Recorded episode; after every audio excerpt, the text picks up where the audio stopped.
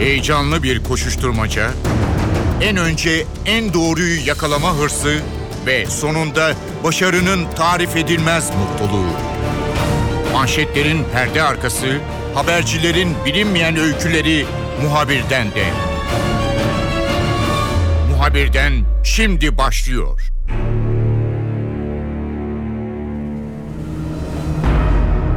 Muhabirden de bu hafta tekrar Soma'ya yakından bakacağız. Soma'ya ilişkin bazı notları bir kez daha gözden geçireceğiz. NTV muhabiri Burak Özcan, Soma'da maden faciası yaşandığında giden ilk isimlerdendi. E, hatta NTV ekibinden giden ilk isimdi. Burak daha sonra e, bu notlarını NTV için yakın plan e, dosyasında bir araya getirdi. Burak notlarını bizimle paylaşacak. Muhabirden başlıyor, ben Kemal Yurteri.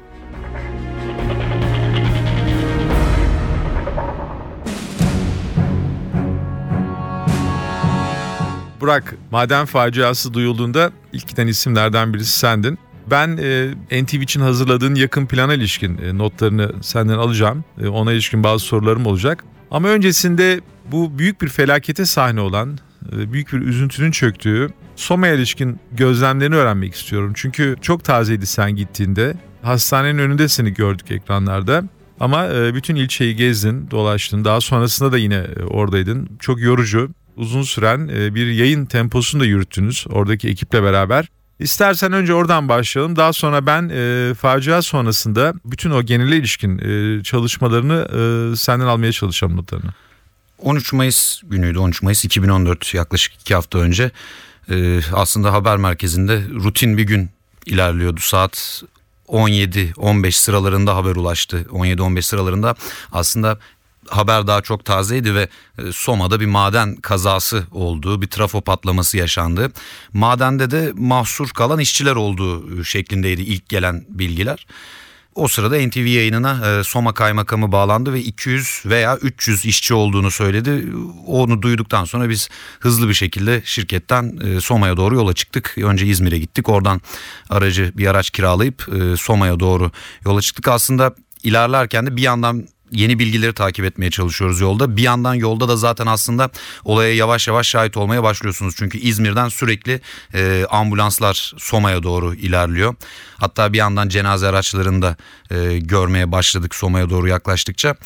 E, Soma'ya ulaştık ve ilk önce Soma Devlet Hastanesi'ne gittik. Oradaki saat herhalde 10.30-11 sıralarıydı. Biz Soma Devlet Hastanesi'nin önüne ulaştığımızda şehre girdiğinizde zaten büyük bir olay yaşandığının farkına varıyorsunuz aslında. Hemen hemen herkes sokakta, hastanelerin çevresinde e, yakından haber almaya çalışıyor. Çünkü baktığınız zaman 100 bin kişilik bir şehir ve neyle geçiniyor Soma sorusunun cevabı Soma madencilikle geçiniyor. Ve her ailenin belki o çekirdek ailenin içinden veya amcası veya dayısı veya e, yeğeni mutlaka Soma'da bir ailenin bir yerinden madenciye dokunuyor. O nedenle kaza olduğu andaki sayı çok büyük. Aslında o sırada biz net rakamlara hala ulaşabilmiş değildik. Çünkü resmi bir açıklama yoktu. AFAD'dan gelen bir açıklama vardı. 17 işçinin öldüğü şeklindeydi.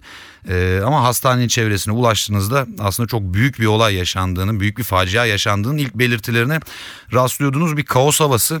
İnsanlarda... E, ne yapacağını bilmiyor insanlar. Bir kısmı madene doğru gidiyor, bir kısmı hastanelere toplanıyor çünkü e, yaralılar yavaş yavaş gelmeye başladı. Hastanelerin önünde e, bir yandan geliyor. Getirilenler taburcu ediliyor bir kısmı, bir kısmı durumu e, biraz daha kritik olanlar belirli e, kliniklere e, gönderiliyor. O kliniklere ak- aktarılanların veya taburcu edilenlerin isimleri okunuyor. İnsanlar hastanelerin çevresinde bunu bekliyor. Biz yaklaşık bir 15 dakika kadar ilk anda o hastanenin önünde durduk. Oradan madene kazanlı olduğu yere doğru yola çıktık. Oraya gidene kadar da yine bir yandan ambulanslar hem madene doğru hem de madenden hastanelere doğru e, yine büyük bir ambulans trafiği vardı ki yaklaşık e, Soma merkezden 30-40 kilometre uzaklıkta e, olayın meydana geldiği maden. Oraya ulaştıktan sonra aslında ne kadar acı ve büyük bir faciaya doğru gidildiğini, yaşandığını yine ilk belirtilerini orada gördük ki e, Enerji Bakanı Taner Yıldız herhalde saat 2 sıralarıydı. İlk kez rakam verdi. Daha önce açıklamalar yapmıştı ve hani bir yandan da tabii biz onun açıklamalarını da takip ediyoruz. E, daha önce bir endişe var, sıkıntı var gibi açıklamalar yapmıştı. Saat 2 sıralarında ilk kez rakam verdi ve 151 e, işçinin öldüğünü söyledi. Aslında o açıklamayla birlikte facia resmiyet kazanmış oldu. İlk anda neler yaşandı orada tabii bir noktaya kadar maden maden çevresinde girişe izin veriliyor. Arama kurtarma ekipleri var. Ee, özellikle altını çizmek lazım tabii Sivil ekipler de vardı. İşte Akut gibi, UMKE gibi farklı illerden gelenler de vardı ama arama kurtarma çalışmalarını özellikle yürütenler ilk andan itibaren çevredeki madenlerin işçileri, o madenin işçileri, o madenin kendi işçileri ki e, kazadan çıkıp tekrar e, yani o an ilk anda belki kurtulup tekrar girenler vardı. Farklı vardiyalarda çalışıp ki o olayın olduğu vardiyada evde olup daha sonra hemen oraya koşup kurtarmak için içeri girenler vardı. Ve Zonguldak'tan gelen ekipler vardı. Çünkü bunların uzmanlık alanı bu olduğu için onların eliyle yürüyordu çalışmalar. Tabii ilk anlarda dediğim gibi bilgi karmaşası var. İçeride ne kadar insan olduğu tam olarak net değil. İçeri girenlerle konuşmaya çalışıyorsunuz. Onlardan bilgi almak çok kolay olmuyor. Çünkü e, herkes olay çok sıcak olduğu için bir şok yaşanıyor. Aslında doğru kelime bu. İlk anlarda şehirde büyük bir şok ve kaos yaşanıyordu.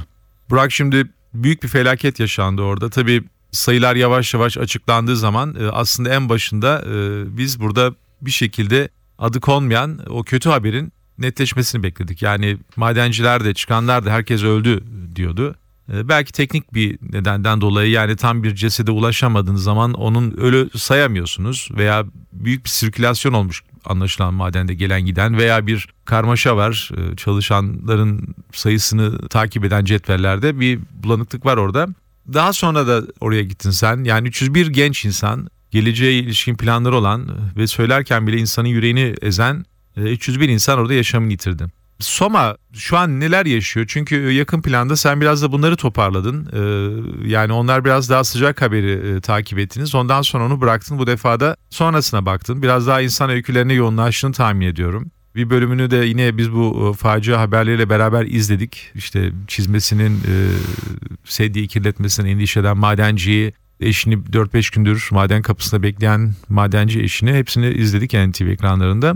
Sonra ne oldu? Yani e, şu an soruşturmalar, siyasi tartışmalar, e, sivil toplum örgütlerinin bir takım e, eylemleri bunlar hep evet devam ediyor. Ama Soma'da insanlar şu an kendi acıları sonuçta baş başa kaldılar. Yani nedir Soma'daki son durum şu an? Şu an aslında hala o yaz süreci devam ediyor. Yani dediğim gibi Soma'da bu acının sadece aslında Soma'da da değil. Yani Soma'nın çevresinde e, Akisar'da, Savaştepe diye Balıkesir'e bağlı olan ve Soma'ya yaklaşık 50 kilometre uzaklıkta olan e, bir ilçe. Orada da çok, e, oradan da çok kayıp var. E, Savaştepe'de, çevredeki diğer illerde, e, diğer köylerde çevredeki ya bu acının dokunmadığı neredeyse hiç aile yok. Ve şu an aslında biraz e, bu yaz sürecinin devam ettiğini söylemek mümkün. Yani acılar çok taze. Biraz biraz da belki e, şunlar başlamış durumda. Bundan sonra ne yapacağız? Yani e, gelecek kaygısı, geçim kaygısı başlamış durumda. Çünkü hani birkaç şahit olduğumuz örneği anlatırsak belki bunu e, daha net bir tablo çizebiliriz ki elbette 301 kişi 301 aileye e, hepsine birden ulaşmamız mümkün olmadı ama konuşabildiğimiz kadar çok insanla konuşmaya çalıştık. Örneğin bir aileye gittik. E, baba vefat ediyor madende işçi genç 30 yaşında eşi dul kalıyor. iki tane daha doğrusu ikiz bebekler var. Ali ve Alaaddin bebeklerin adı. 4 aylık bebekler bunlar. 4 aylık 4 aylık yetim kalıyorlar. E, prematüre doğmuş bebekler. 6,5 aylık doğmuşlar. Hiç anne sütü emmemişler. O yüzden mamayla sürekli beslenmeleri gerekiyor. Bez masrafları var. Ee, ve bu bebekler kalmış. Baba bu ihtiyaçları karşılamak için madene gidip madende çalışıyor. Baba faciada vefat ediyor. Şimdi elbette anne düşünüyor. Yani genç bir kadın, yaşlı bir dede, yaşlı bir e, babaanne. 4 aylık iki tane bebek mama masrafları var, bez masrafları var. Ne yapacağını düşünüyor ve söylediği çok etkileyici bir şey vardı. Yani sürekli aslında orada insanlarla konuştukça bir yandan belki de hayatın gerçeklerinden siz ne kadar uzak olduğumuzu, bu acılardan ne kadar uzak olduğumuzu da fark ediyoruz. Ben dedi kadın ilk defa madene gittim dedi faciadan, olaydan sonra.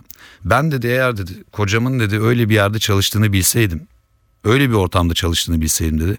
Onun kazanıp eve getirdiği parayı dedi müzeye koyardım dedi. Aynı şeyi e, bir madencinin babası söyledi. İlk defa madene gittim dedi.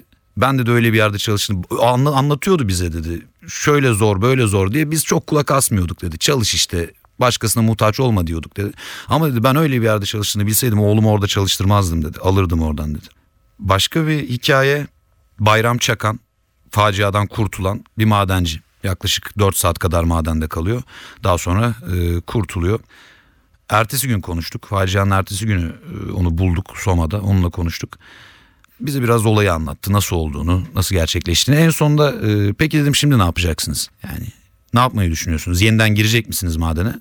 Sigortamın bitmesine dedi, prim günümün bitmesine 3-4 yıl kaldı dedi. O bitene kadar çalışacağım yine gireceğim dedi. Bir de dedi kredi borçlarım var dedi. Onları ödemem lazım borcum var dedi. Yine gireceğim dedi.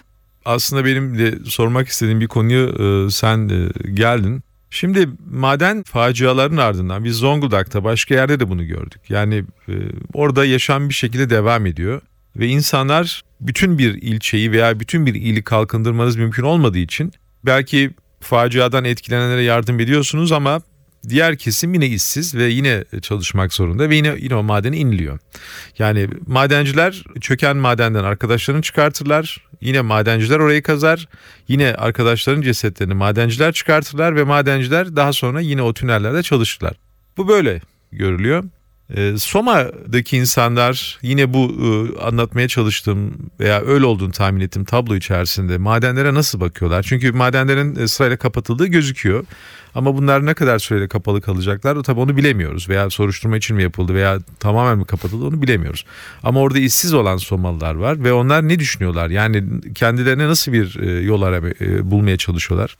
Maden aslında biraz Soma'da ve çevresinde coğrafyanın da getirdiği bir şey. Yani işte baktığımız zaman bu kent neyle geçiniyor diye madencilikle geçindiğini görüyoruz kentin. Sadece Somalılar değil e, çevreden de gelenler var. E, Zonguldak'tan çalışmak için gelenler var. Mesela Ağrı'dan gelenleri gördük.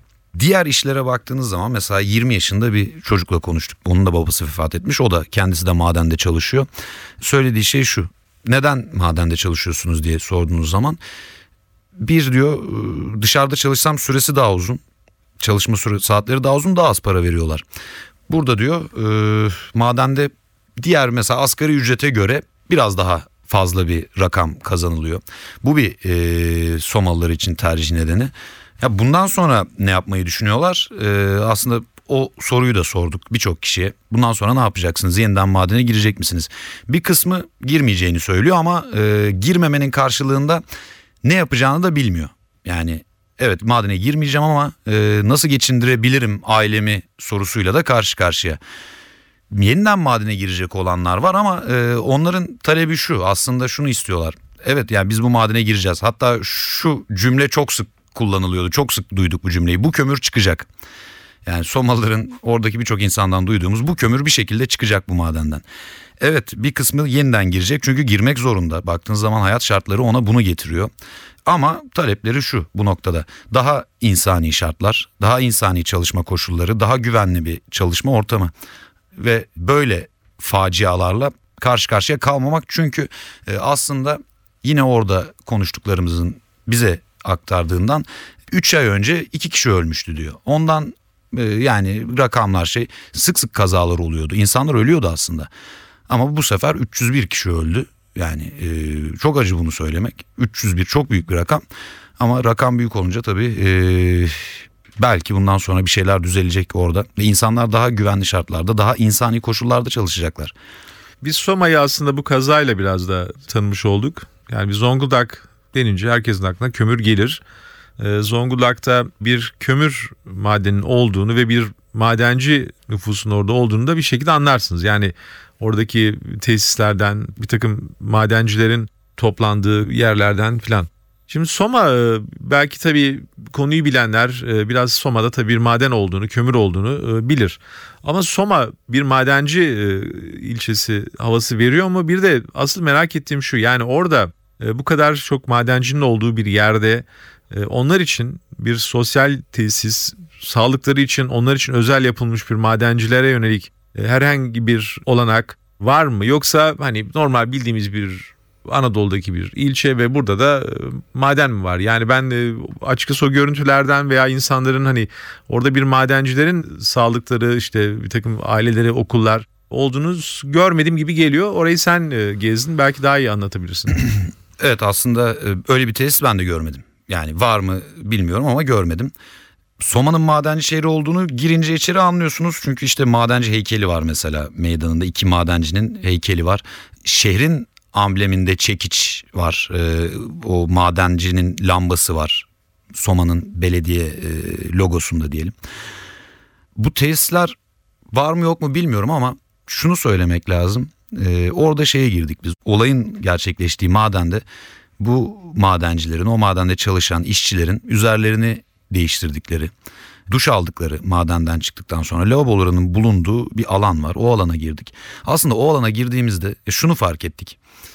Ne kadar az da değer verilmiş bu adamlara. Yani bu adamlar hayattayken ne kadar az umursanmış bu adamlar. Bu adamların sağlığı, bu adamların insani yaşama koşulları ne kadar görmezden gelinmiş.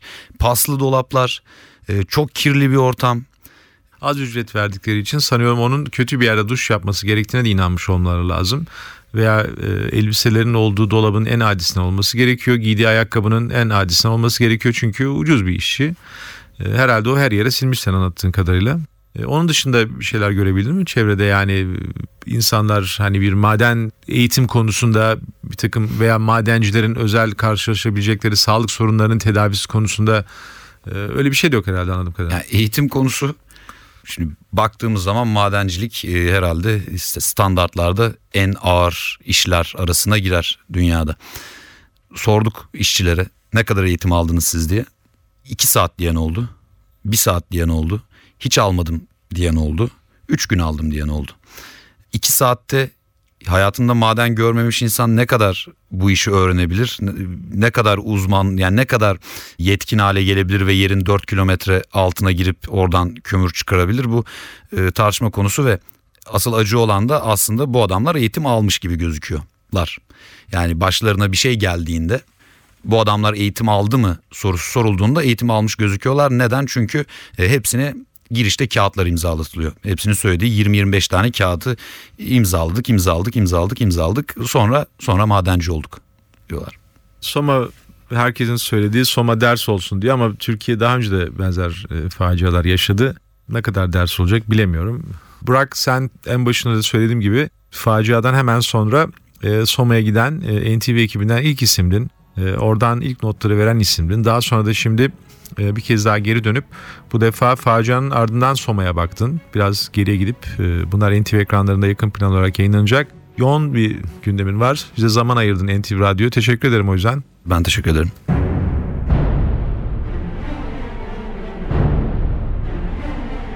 Muhabirden de bu hafta Soma faciasının ardından yaşanan gelişmelere yakından baktık. NTV muhabiri Burak Özcan ilk giden isimdi. Daha sonra Burak Soma'ya ilişkin notlarını bu kez yakın planda topladı.